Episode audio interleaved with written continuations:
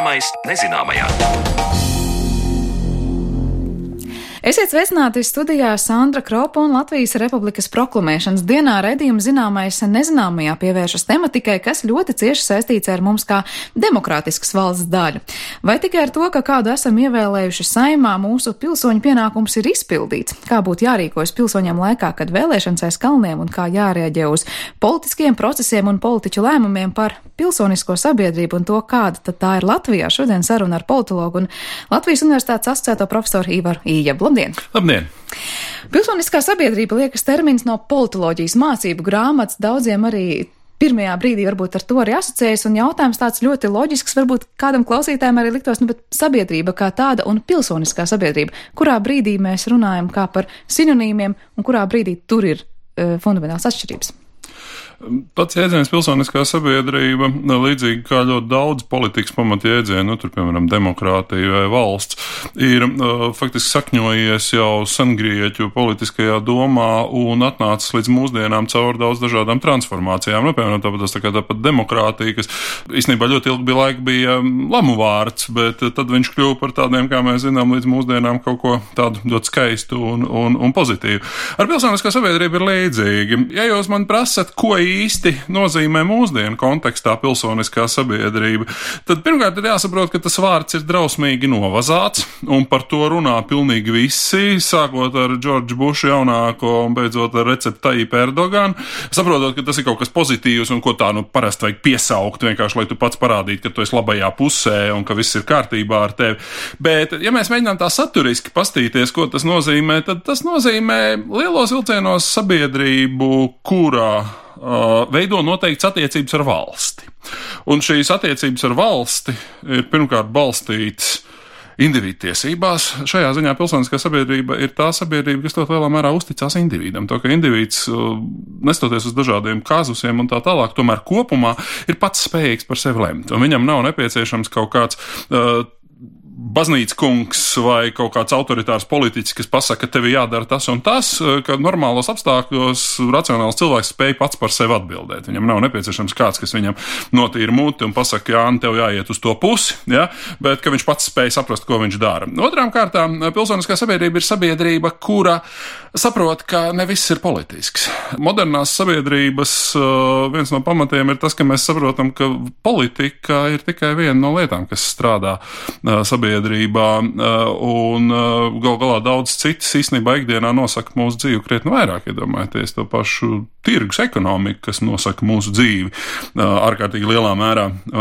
Pilsoniskā sabiedrība ir tā, kas necenšas politizēt tās lietas, kur bez pilsoniskās sabiedrības var iztikt. Viņi paļaujas uz to, ka sabiedrība pati ir spējīga organizēties. Un politika tas ir kaut kas tāds, nu, ka, protams, ir sava noteikta funkcija attiecībā uz kārtības nodrošināšanu, ārējo aizsardzību un tā tālāk. Bet bet politikā ir savs robežs. Trešām kārtām pilsoniskā sabiedrība tā ir sabiedrība, kas ir spējīga pašorganizēties. Tie ir ļaudis, kas tajā mirklī, kad parādās kaut kādas grūtības vai ir jārisina kaut kādas problēmas, vienalga.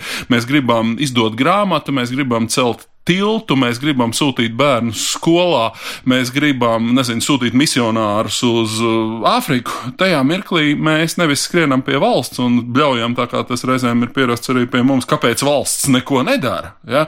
Bet gan tie ir cilvēki, kas paši spēj par sevi atbildēt un paši kaut ko savā starpā organizēties. Proti, tieši tāpēc mēs arī mūsdienās ļoti bieži liekam vienlīdzības zīmi, kas, nu, tā teorētiski ņemot, nav korekti, bet ļoti lielā mērā ataino to domu, ir tas, ka mēs identificējam pilsonisko pilsonisko sabiedrību ar nevalstiskām organizācijām un sakam, ka nu, gal galā cilvēkiem ir pašiem jābūt spējīgiem organizēties, aizstāvēt savus intereses.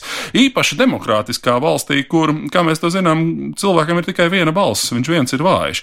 Viņš kļūst spēcīgs tikai tad, ja viņš spēj organizēties un meklēt kaut kādas kopīgas lietas ar citiem, vienalga arotbiedrībās, sieviešu organizācijās, etnisko minoritāšu organizācijās, baznīcās un tā tālāk. Un tā tālāk kad esi spējīgs organizēties kopā ar citiem. Un tas ir tas slavenais stāsts, par ko Mūsdienu politika zinātnē diezgan daudz runā tā šī uzticēšanās problēma. Proti, ka Latvijā un tāpat daudzās arī citās reģionu valstīs cilvēki viens otram vienkārši neusticās un tādēļ nav spējīgi neko darīt. Un ceturām kārtām tā ir pilsoniskā sabiedrība, ir sabiedrība, kas ir spējīga uz daudz maz konstruktīvu, racionālu diskusiju. Proti, un tas ir viens ļoti būtisks pārpratums, kas reizēm arī pie mums itin bieži tiek dzirdēts, proti, ka nu, pilsoniskā sabiedrība daudz uzskatā tas, ka visi iznāk doma laukumā un bļauj nost ar saimu vai bļauj tur, kā saka, kaut ko tur samalt desās vai kā, ko tur nogāzt un ko tur atlaist.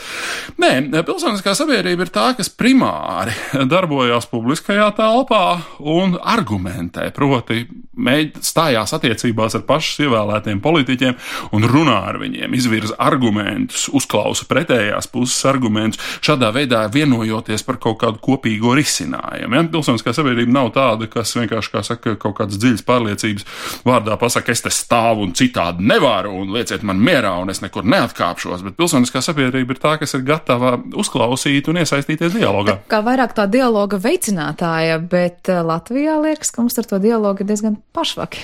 Jā, nu, teiksim tā, es domāju, ka, protams, ka pilsoniskā sabiedrība pati par sevi ir tāds ļoti liels ideāls. Nu, tāpat kā daudz šie politiskie koncepti, vai ne, manis jau pieminētā demokrātija vai politiskā vienlīdzība, vai, ja vēlties, suverenitāte un visi šie fundamentālie politikas koncepti, ļoti bieži tieši tāpēc ir tik ietekmīgi, ka viņiem realitātē nekas neatbilst. Tajā ziņā, ka realitātē, nu, tā sabiedrība nedz ir spējīga organizēties, nedz viņa arī tur, kā saka, spēja kaut ko atbildēt par sevi un nevis prasīt visu tikai no valsts un tā tālāk, bet tā ir tāda sava veida vadlīnija, uz ko nu, Eiropas politika pēdējo 200 gadu laikā ir gājusi. Un kas attiecās uz Latviju, jā, protams, nu, mēs nākam no noteikti vēsturiska mantojuma, to nevar noliegt. Nu, mūsu publiskā telpa arī nu, brīžiem ir vairāk orientēta uz tādām skaistām manifestācijām un bļaustīšanos un sazvērestības teoriju nekā uz kaut kādām konstruktīvām diskusijām, bet nu, jā, nu, kā saka, vēlreiz, nu, tas nav tas ideāls, jau nekur nav sasniegts pilnībā. Runājot to, kas tikko arī tik raksturos tā Latvijas pilsoniskā sabiedrība, vai tas vēsturiskais mantojums būtu tas, ka mēs esam salīdzinoši jauna valsts, vai tāpēc, ka mums ir bijuši padomju gadi, kas ir ietekmējuši to, kā cilvēki domā, dara, ko dara, kā uzticās, neusticās viens otram. Kas būtu tas iemesls, kas veido to mūsu pilsonisko sabiedrību tādu, kā tā ir šobrīd?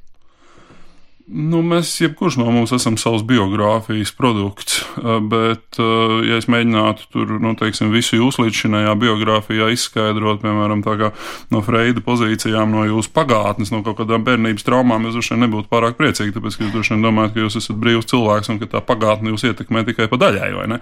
Eh, tieši tādā pašā veidā jau arī politikā un, ja vēlties tādā nācijas pašapziņā, tas ir ļoti svarīgi, ka pagātne ir nozīmīga, bet mēs nevaram novelt visu tikai uz pagātni jāsaprot, ka mēs paši esam sastrādājuši pietiekoši daudz lietas arī pēc šajos 25 pēdējos gados, kuras, nu, atsevišķos mirkļos, nu, neliecina par Latviju kā ļoti eiropeisku valsti. Bet, nu, vēlreiz, es domāju, ka Latvija neraugoties uz uh, visām mūsu trūkumu uh, lietām un tā tālāk šodien, īpaši kā 18. novembrī runājot, manuprāt, ir krietni, krietni labākā situācijā nekā jebkad savā vēsturē. Ne, protams, tā vēsture katram ir sava un tā tālāk, bet ir skaidrs, ka šodien Latvijas attīstības potenciāls, neraugoties pat uz visām ģeopolitiskām krīzēm un tā tālāk, ir krietni, krietni lielāks nekā tas bija pirms 50 vai pirms 100 gadiem. Runājot par Latvijas situāciju, nu, nav nevienam noslēpums, ka dažādās arī aptaujās tas parādās, ka valdībai un saimē kopumā sabiedrība neusticās, vai tas uzticības procents ir mazs. Savukārt arī tā pašu dalība kaut kādās vai politiskās partijās vai nevalstiskās organizācijās nu, arī nav salīdzinoši liela. Vai tas kaut ko saka par to, ka mums patīk vairāk norādīt un teikt, mēs neusticamies un mums nepatīk, bet kaut ko paši darīt un iesaistīties arī negribam, vai pilsoniskai sabiedrībai neobligāti ir jāiet pašai politikā? Tas ir ļoti interesants jautājums. Pirmkārt, tas, ar ko jūs sākāt, proti, šie zemē uzticēšanās rādītāji, ir viens, manuprāt, ļoti nozīmīgs indikators. Nu, saka, nu, pirmkārt, tā ir tā sauktā socioloģija tajā ziņā, kas iziet no divām, manuprāt, pietiekoši apšaubāmām premisām. Proti, ka pirmkārt, cilvēki saprot, ko viņiem prasa tajās aptaujās, otrām kārtām, ka viņi atbild godīgi, kas ļoti bieži tā nav, bet, nu, ok, mums ir šie zemie rādītāji. Tā problēma ir tajā, ka mēs neusticamies mēs lietām, kuras mēs paši esam ievēlējuši. Un tā patiešām ir principiāla lieta, jo mēs uzticamies televīzijai, mēdījiem. Mēs uzticamies avīzēm, mēs uzticamies internetam. Tas mums liekas kaut kāda laba lieta, un kas noteikti, kā saka, viss saka, kā ir. Bet mēs neist neusticamies cilvēkiem, ko mēs paši esam ievēlējuši. Un tā, protams, ir šī uzticēšanās krīze ļoti lielā mērā vienkārši cilvēku individuāla izvairīšanās no atbildības. Protams, mēs varam ganīties un pamatoti ganīties par to, ko saka tas vai cits Latvijas politiķis, kā viņš uzvedās un tā tālāk. Un tā tālāk. Bet tad uzdodiet reizēm tomēr šajās situācijās arī jautājumu, par ko jūs paši balsojāt pēdējās vēlēšanās, jo šīs abas divas lietas Latvijas sabiedrība ļoti vāji slēdz kopā, ka tie cilvēki, kas tur sēž piedošana, ir jūsu pašu balsu ievēlēti tur. Un eh, tajā mirklī, kad viņi kaut ko dara, nu vienkārši nu, domājiet, kā jūs balsosiet nākamajās vēlēšanās. Eh, savukārt, kas attiecās uz to pašorganizācijas spēju, tā ir viena ļoti interesanta tēma. Mēs redzam, ka nu, pēdējā laikā tā situācija ir ļoti dažādojusies tajā ziņā, ka nu, jaunākā paudze iespējams ir krietni vairāk tendēta uz kaut kādām nevalstiskām aktivitātēm, uz kolektīvu savu interešu aizstāvēšanu un tā tālāk, bet aptaujas attiecībā uz dalību nevalstiskās organizācijās rāda, ka mēs pēdējo desmit gadu laikā, un tas bija viens no mūsu universitātes institūta veiktajiem pētījumiem, īstenībā esam kļuvuši pasīvāki. Tad, kad Latvija kļuva brīva 91. gadā, tajā mirklī mēs domājam, domājām, nu, kā saka, padzīvosim, padzīvosim, un tad jau mēs dzīvosim tā kā Somijā. Vai ne? Nu, mums ļoti patīk tas stāsts par Somiju, ja nu es tie, nu, bišķiņ, bišķiņ pacietieties, un tad, tad jau būs tā Somija? Bet, kas attiecās uz attieksmi pret demokrātiju un attieksmi pret pašorganizēšanos, tad tur nekādas īpaši pozitīvas zīmes nav redzamas. Tur ir redzams, ka īstenībā, ka cilvēki kļūst pasīvāki. Un tā ir viena lieta, ko mēs tradicionāli saistam ar to, ka, nu, cilvēki gluži vienkārši neredz jēgu šajās aktivitātēs, tā ir viena lieta. Un otra lieta ir tas, ka viņi viens otram neusticās. Jo, ja es gribu ar piemēram, saviem kaimiņiem, nezinu, kopīgi aizstāvēt kaut kādas mūsu kvartāla vai mūsu mājas intereses. Man ir nepieciešams, lai mums mūsu starpā pastāv uzticēšanās. Protams, tas nebūs tā, ka es kaut ko darīšu kopējās lietas labā, un tad pārlējie kaut kā man izmantos un kaut ko gūs uz man rēķina, un es no tā palikšu bešā. Tādas uzticēšanās ļoti bieži nav. Tas, tas diemžēl, tā ir. Jā. Vai vēl viens iemesls nevarētu būt tā tomēr domāšana, ka nu, es jau neko, bet par visu atbild valsts vai valdība. Un tad vienmēr, ja ir kaut kāds jautājums jārisina, kā jūs arī sarunas sākumā teicāt, tad ir jautājums, kāpēc valsts nedara vai kāpēc valdība nedara vai dara. Vai mums nav tā vēlme visu nolikt tikai un vienīgi, kā saka, es ievēlēju, ar to mans pienākums ir izdarīts, izpildīts, tālāk jau par visu atbild valsts, un mēs esam neaktīvi un pasīvi tajā sajūtā, ka mēs esam procesa daļa nemitīgi.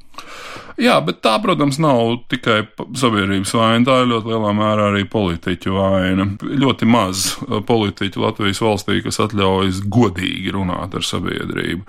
Un, ja mēs palasat priekšvēlēšanu programmas, piemēram, un paklausieties tās priekšvēlēšanu diskusijas, uh, tad jūs tur varat sadzirdēt visādas interesantas lietas, un tās programmas viss ir rakstīts, nu, tā kā ženšeņš vai nerestīvi, kas ir palīdz, palīdz pret pilnīgi visām kaitēm, un jums izārstēs to un izārstēs to, un jūs dzīvosiet lepni, veseli, bagāti, izglītoti, uh, ekoloģiski, ātri, pārticīgi un tā tālāk, un tikai jūs tikai par mums nobalsojiet. Tā ir, protams, bezatbildība, jo ir skaidrs, ka uh, mēs dzīvojam tādā sabiedrībā, kurā, piemēram, cilvēks tomēr lielos vilcienos, neraugoties to, ka valstī tur dažādos veidos tas mehānisms ir jākoriģē, lielos vilcienos cilvēks par savu labklājību primāri ir atbildīgs pats šī izpratne nu, neveidojās vienā lielā daļā sabiedrības, tāpēc mums arī ir tas, nu, kā saka, pabalstu saņēmēji, eh, trūcīgais slānis, kas nekad neies kaut ko tur vergot, zina, kādu tur cita labā, labāk viņš saņems kaut kādu tur, nezinu, 60 eiro pabalstu no pašvaldības un mēģinās pa to nobomžot līdz savas dzīves galam,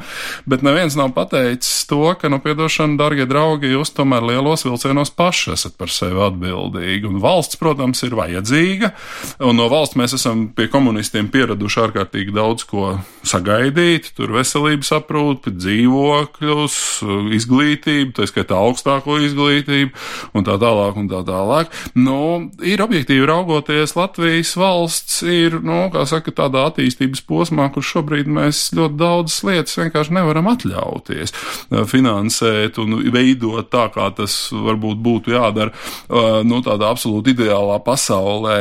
Bet vienlaiks mēs mēģinām stāstīt, ka, nu, kā saka, jūs tikai, jūs tikai nobalsojiet, un tad, tad mēs jums visu nokārtosim. Jums pašiem nekas nav jādara. Jūs tikai sēdiet un, kā saka, pie, uh, metiet pareizos papīrīšus urnās, un tad, tad, tad viss būs tā, kā jābūt. Jūs pirms brīža runājat par to, kā redzēt jēgu ir, ir svarīgi cilvēkiem. Man šķiet tāds interesants piemērs, ka šovasar mums pāršaudas ziņas, ka Nīderlandē sabiedrība iesūdzēja tiesā valdību un uzvarēja Hāgas tiesā par to, ka valdība nepildīja solījumus saistībā ar to, kā bija teikusi samazinās emisijas un daudz ko citu. Un, proti, tiesa nolēma, ka valdības nostādne klimata izmaiņu jautājumā esot tur neatbilstoši tam legāliem kādam tur statusam, un piecu gadu laikā ir jāsamazina emisijas par 25%. Un tālāk, kas ir interesanti, ka tas viss sākās ar to, ka 886 pilsoņi vienkārši izdomāja šādā veidā vērsties pret valdību. Tālāk sekoja arī līdzīgas aktivitātes Beļģijā un arī Norvēģija apsvēra iespēju šādā veidā prasīt atbildību no savas valdības. Vai tas ir kaut kāds tāds bezprecedenta gadījums līdz šim, vai tas ir kaut kas ļoti ierasts patiesībā, ka sabiedrība var sūdzēt uh, tiesā valdību par to, ka netiek pildīti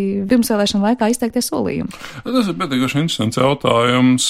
Tā nav ierasta prakse, uh, lai gan tur droši vien ir iespējams kaut kādas korekcijas attiecībā uz tādiem konkrētām lietām. Nu, Latvijas situācija gan ir tā, ka pie mums tādas, nu, kā saka, īpaši konkrētas lietas nesola. Nu, izņemot varbūt kaut ko, kaut ko, kaut ko ļoti konkrētu, nu, atsevišķi ļoti, ļoti, ļoti reti, bet kas attiecās uz to, nu, kā saka, ies, iesūdzamību, nu, tad tā tradicionālā pieeja demokrātijai ir tā, un tas izries ar citu no tā, par ko mēs runājām iepriekš, proti par to, nu, cilvēku spēju pašam pa sevi atbildēt. Mēs pieņemam, ka demokrātija funkcionē tā, ka tas cilvēks, kurš vienkārši melos saviem vēlētājiem, nākamajā reizē netiks ievēlēts. Ok, nu viņš tur kaut kādus dažus gadus pasēdēs, un tad viņam iestāsies politiska atbildība, kas viņu vienkārši nākamajā vēlēšana kadencē izslēgs no turpmākās spēles. Nu, vai ir iespējams kaut kā tur, nu, kā saka, uz partiju programmas pamata kādu iesūdzēt tiesā lūgtu, ka tu tur, piemēram, mums esi apsolījies nodrošināt tur, nezinu, kaut vai tos pašus 2% aizsardzībai, un tagad tu tur to neesi izdarījis, tā nav īpaši ierasta prakse. Jo ir jāsaprot viena lieta, un te es nekādā gadījumā negribu būt kaut kāds politiķu lobbyis, bet es gribētu iestāties par kaut kādu simetrisku atbildību no pilsoņu un politiķu puses. Jo ir skaidrs tas, ka, nu, kā saka, no politiķiem ir jāprasa atbildība, un tas ir pilnīgi skaidrs visās iespējamajās veidos. Tad otra lieta, par ko ļoti maz tiek runāts, ir tas, ka tiem cilvēkiem, kas šajā procesā piedalās, arī pašiem ir par kaut ko tomēr jāatbild un jābūt spējīgiem atbildēt par to, ko, par ko viņi balso. Un tad, kad ja jūs piedošanu izdarat tādas izvēles vēlēšanās, nu tad nebrīnieties, dārgie draugi, ka jums pie varas ir kaut kādi populisti, kaut kādi faktiski, nu, kā saka, gļēvi sabiedriskās domas līdzskrējēji, kur nav spējīgi pieņemt nevienu ilgtermiņu lēmumu, un rezultātā valsts attīstība nenotiek tik ātri, kā mēs to vēlētos. Kas būtu tas iemesls, kāpēc vēlētāji vienmēr uzķers uz vienu to pašu vai izdara tās izvēles neatbilstoši tam, kā varbūt vajadzētu? Nu, jūs teicāt, ja, piemēram, šajās valstīs politiķi saprot, ka nākamās vēlēšanās viņi visticamāk netiks ievēlēti, kāpēc Latvijā tas viss atkārtojas no gada no gada? Nē, tā nav. Zināms, procents politiķu pamatot izmest no spēles, tāpēc, ka viņi ir pierādījuši un pat vesels partijas, kuras uh, ir aizgājušas aizsaulē, nu, tur, teiksim, tā pēdējo 17 gadu laikā, vai ne, kuras ir bijušas ļoti, ļoti spožas un labas sākumā, pēc tam ir aizgājušas nebūtībā. Iespējams, ka kaut kāds līdzīgs liktenis gaida arī vienu otru e, citu partiju. Tajā ziņā jau tā nav, ka mēs visu laiku kāpjam uz vieniem un tiem pašiem grābekļiem, bet ir jāsaprot, ka tie e, balsotāji ir tie, kas viņi ir. Tā ir Latvijas sabiedrība. Tas bija iepriekšējais šķiet valsts prezidents Bērziņa kungs vienā diskusijā tika e, norādījis, nu, jā, nu tā ir tā mūsu sabiedrība, kurā katru gadu vairāk tūkstoši bērni tiek izņemti no ģimenēm, kuras nu, vienkārši ir absolūti neadekvātas un nespēja atbildēt pat par sevi. Un kur nu vēl par maziem bērniem. Ja? tā ir piedošana tā pati sabiedrība, kas uh, Jā. balso par saimu, vai ne? Mums nevajag, es nekādā gadījumā negribētu šodien valsts svētkos kaut kādā veidā mēģināt pazemot vai kaut kādā ziņā apsūdzēt par kaut ko Latvijas pilsoņus. Nē, bet vienkārši mums ir jābūt realistiskiem, ka mēs man nevajag baidīties skatīties spogulī. Šajā ziņā tā demokrātija ļoti lielā mērā tiešām ir spogulis. Tie cilvēki, kas tur sēž, nav radušies nezinu no kurienes. Viņus nav iecēlis ne Vladimirs, ne Vladimirovičs, ne Angela, tur nezinu, kā viņai tēvvārds, ne kaut kas tam līdzīgs. To tie ir Latvijas cilvēki ievēlēti. Uh, un nu, tad jūs arī dabūnat atpakaļ to pašu, par ko jūs esat balsojuši. Runājot par to, kā pašorganizējās sabiedrība, jau piesauktā, nu, Pēdējo dienu notikumi, protams, liek par daudz ko padomāt. Kas, jūsuprāt, ir tas, kas spēcīgāk liek organizēties sabiedrībai? Tas ir kāds kopīgs ienaidnieks, vai tās ir bailes, vai tie ir draudi, vai tas ir kaut kas daudz augstāks, kas, diemžēl, varbūt tik nu, bieži mēģināsim nezinu. Um, saprast, ko mēs saprotam ar organizēšanos. Ja ar organizēšanos mēs saprotam vienreizē iziešanu ielās un iz, savas sāpes izbļaušanu, uh, tad tā ir, manuprāt, pārmērīgi plaša organizēšanās definīcija definīciju. Organizēšanās uh, ir uh, nu, vienkārši tas, ka cilvēki saskaņā ar kaut kādām savām interesēm, Tas var būt, piemēram, vietējās intereses. Ja? Nu, tā kā, nezinu, tur mm, jūrmālas aizsardzības biedrība ievēlēties. Ja? Tās var būt kaut kādas nozars intereses. Ja? Nu, nezinu, kā ārstu biedrība vai kaut kas tamlīdzīgs, ja? vai kāds skolotāja arotbiedrība vai kaut kas tamlīdzīgs. Ja? Vai tur, nezinu, advokātu, tur tas, kā nu viņiem tur saucās. Tas. Uh, un tā tālāk. Tās var būt reliģiskas intereses, tās var būt pasaules uzskata intereses un tā tālāk. Uh, un uz šo interesu pamata jums vienkārši ir jābūt spējīgiem sanākt kopā ar saviem kolēģiem. Kaut arī tas nenozīmē, ka jums viņi ir jāiemīl vai kaut kādā citā veidā tur, nu, kā saka, jākļūst par ģimenes locekļiem, bet ir jābūt spējīgiem kopīgi ar citiem uz noteiktiem noteikumiem šīs savas intereses aizstāvēt kopā ar kolēģiem, kopā ar ticības brāļiem, kopā ar nozares cilvēkiem, kopā ar savu pasaules uzskatu. Nu, tur iedomājieties kaut kādi zaļie vai ne, un visi šie cilvēkiem kuri tad, nu, tā, jo demokrātijā viens atsevišķs cilvēks ir vājš. Nu, un pilsoniskās sabiedrības tā ideja, kā to mūsdienās saprot, ir tieši tas, ka, jo jūs gribat, lai jūsu, uh, kā saka, intereses tiktu pārstāvētas tajā demokrātiskajā procesā. Ja? Tad nepietiek ar to, ka jūs pasūdzaties virtuvē, ja? ko mēs esam visi ļoti jauki iemācījušies darīt un ar ko viss ir kārtībā. Ja? Bet ir nepieciešams, lai jūs šīs intereses arī būtu spējīgi aizstāvēt kolektīvi. Nu, pēc, jūs, jūs nostāsieties viena pati pie ministra kabineta ar plakātu rokās, jūs izskatīsieties, nu, teiksim tā, piesardzīgi izskatīties pēc dīvaina cilvēka, ne? Jūs tur izvedīsiet 3000 cilvēku, ja jums būs ārā straujuma, jums būs ārā vispārējā attiecīgās nozares ministri, par ko nu jūs tur runāsiet, un viss ar jums tādā, nu, kā saka, māsa ar galvām un stāstīs par to, ka, nu, kā saka, jā, jā, mēs ar to rēķināmies, un tas ir mūsu prioritāte, un tā tālāk, un tā tālāk. Un viņi tā ir arī reāla taisnība. Proti, proti jo rēķinās ar to, kur cilvēki ir spējīgi organizēties un pārstāvēt kaut ko. Bet vai tajā brīdī, kad cilvēki kaut vai 3000 stāvēs pie ministru kabineta durvīm, eh, tas cilvēks sabiedrībai tiešām būs sajūta, ka kaut kas var tikt mainīts, vai tas neapstāsies tikai pie tā, ka iznāks parunāt ar vēlētājiem un pēc tam kaut kādā brīdī tāpat aizies kaut kādas vecās dziesmas un populisms. Uh. Es domāju, ka ļoti daudz kas ir, daudz ko ir iespējams mainīt. Jūs paskatāties kaut vai no visus šos pēdējos notikumus ap to bēgļu uzņemšanu un tā tālāk, nu tur nevarētu teikt, ka tur sabiedrībai nebūtu un tā teikt cilvēku interesēm nebūtu bijusi nekāda pārstāvniecība, un es domāju, ka tieši tā tas arī turpināsies. Cits jautājums, ka jums ir diezgan liela taisnība tajā ziņā, ka atkal atgriežoties pie manis uh, jau pieminētās pilsoniskās sabiedrības definīcijas iesākumā, ir tas, ka pilsoniskā sabiedrība saprot, ka ļoti daudzas problēmas nevar atrisināt ar uh, politiskiem līdzekļiem. Proti, nu, nevar straujumas vadītais ministru kabinets vai pat, nu, kā saka, uh, šī brīžējā Latvijas Republikas 12. sājuma sanāk kopā un pieņemt lēmumu no rītdienas mēs visi būsim bagāti. Nu, tā nebūs. Uh, bagāti kļūst mūsdienu sabiedrībā savādāk un nevis ar politiskiem lēmumiem. Un tas, protams, ir ierobežojums. Ja jūs gribat, nu, kā saka, protams, mēs varam prasīt, lai uh, valsts ieliek zināms stūrakmeņus un zināmas pamatlietas, infrastruktūras, nodokļu politikas, sociālās politikas un tā tālāk ziņā, lai mēs patiešām varētu ilgtermiņā kļūt labklājīgi. Ja?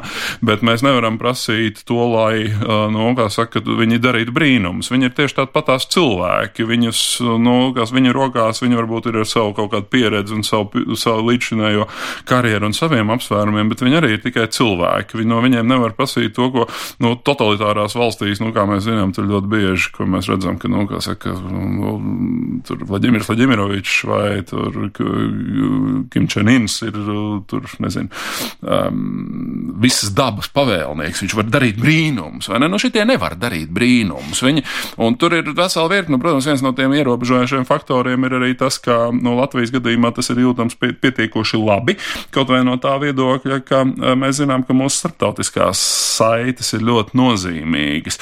Gan pozitīvā ziņā, ka mēs skatāmies, nu, piedošana, cik daudz tomēr naudas ir ieplūdis kaut vai tajā pašā dažāda Eiropas naudu formātā šeit arī, gan arī negatīvā veidā ar daudzas lietas, ko mēs vienkārši nevaram darīt. Ne? Un, proti, tas nozīmē to, ka, nu, tas ir ierobežots process. 20. gadsimts, diemžēl, bija tas laiks, kad totalitārie režīmi, un to es domāju pamatā par komunistiem un par nacionālsociālistisko Vāciju, patiešām centās radīt iespaidu, ka politika ir instruments brīnumu darīšanai. Bet politika nav instruments brīnumu darīšanai. Politika ir uzdevums konkrētu problēmu risināšanai. Un noslēdzot pamazām mūsu sarunu, vēl viens jautājums, kam nepaspējām vēl pieskarties. Kādas īsti ir vērtības, varbūt, kas veido pilsonisko sabiedrību? Jo man liekas ļoti interesanti paskatīties uz to, kā uz dažādām situācijām reaģē cilvēki dažādās valstīs. Nu, piemēram, Parīzes nesenie gadījumi, taksometri izslēdz skaitītājs vai cilvēks pa brīvu mājās, cilvēks svešinieki viens otram piedāvā savu pajumti, jo vienkārši ir ierobežotas satiksmes iespējas un ir cilvēkiem grūti tikt mājās un notikuši uh, traģēdija. Krievijā laikam bija gadījums, kad lidostā bija uz uzsprāgusi bumba, un tad, kad cilvēki tika aicināti aizvest no lidostas uz, uz centru, tad uh, skaitītāji tika uzslēgti ar krietni lielāku samaksu.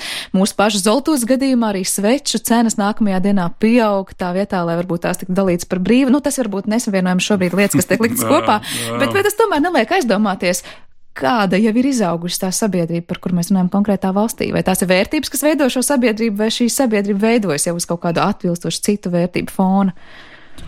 Es domāju, ka tādas lietas kā elementārs cilvēcīgums, un es domāju, ka Krievijā, protams, šis gadījums, ko jūs pieminējat, ir pietiekuši skandalos, bet es domāju, ka arī Krievijā cilvēki pat līdzās visai tai agresijai, kas nāk pa Krievijas mēdījiem un nāk arī no Krievijas politiķa retorikas, nu, ir ļoti solidāri atsevišķās izpausmēs. Tikai nu, tur tā solidaritāte izpaužās lielākoties uz pazīstamiem, personiski pazīstamiem cilvēkiem, no nepazīstamiem cilvēkiem. Tu tur var kā stāst visu, kas ienāk prātā. Tu viņu redz pirmo un pēdējo reizi mūžā, viņš tev, kā saka, tur vienalga, vai ne? Kas tur notiek? Es pieņemu, ka tieši tas pats arī strādā, diemžēl, uz tām svecītēm saistībā uz, uz, uz solitūdi.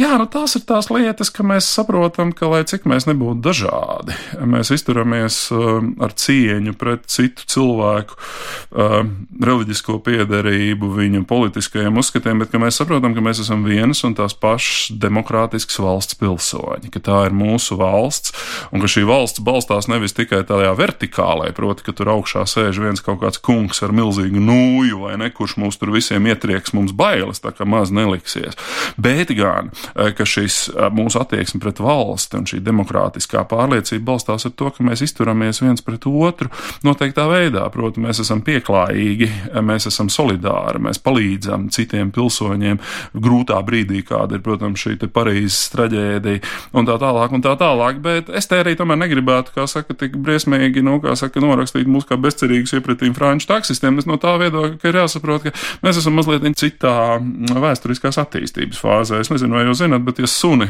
kad viņi paņem mazu kucēnu, nopērk un viņam nedod pirmo gadu ēst pietiekoši daudz, eh, tad viņš visu atlikušo mūžu eh, ne par ko citu kā par ēšanu nav spējīgs domāt. Es atļaušos domāt, ka zinām daļa vispār visu šo postkomunistisko sabiedrību, tā skaitā Krievija, tā skaitā Latvija un tā tālāk, tad bieži atrodas šajā fāzē, proti, ka mēs esam vienkārši bērnībā nosacīti mūsu visu kopīgajā bērnībā, kur nebija pārāk jauka, bet nu vienalga, vai ne tur pie komunistiem, vienkārši neesam dabūjuši, nu, kā saka, zināmas elementāras materiālās labklājības lietas, kuras rietumi uzskata par pašsaprotamiem, un tāpēc mums atsevišķos mirkļos, kurš vienkārši zūd veselais saprāts, mēs kļūstam muļķīgi zvēriski, muļķīgi nesolidāri un tā tālāk. Es domāju, ka kaut kādas lietas tomēr ārstē arī laiks, un tas, kas Latvijai šobrīd ir nepieciešams, ir nevis revolūcijas un kaut kādas tur milzīgi apvērsumi un tā tālāk, bet ir nepieciešams vienkārši mierīgas, normālas, demokrātiskas, kapitālistiskas attiecī, attīstības periods. Un tad mēs agri vai vēlu visi kopīgiem spēkiem nonāksim nu, tajā labklājības un līdzdalības un pilsoniskās sabiedrības līmenī, kur mēs visi vēlam Latvijai. Tad sadarbība un cieņa citam pret citu būtu viens no atslēgas vārdiem, kam noteikti jāliek. Punkts. Eh, beidzot šo sarunu. Liels paldies! Dzirdējām politologu un Latvijas universitātes asociēto profesoru Ivaru Ījebu, ar to arī raidījumu zināmais nezināmajā šajā reizē ir izskanējis. Paula Gulbinska tā producente, Girzi Bišs parūpējās par mūziku un studijā bija Sandra Kropa. Mēs tiekamies atkal rīt. Visu labu!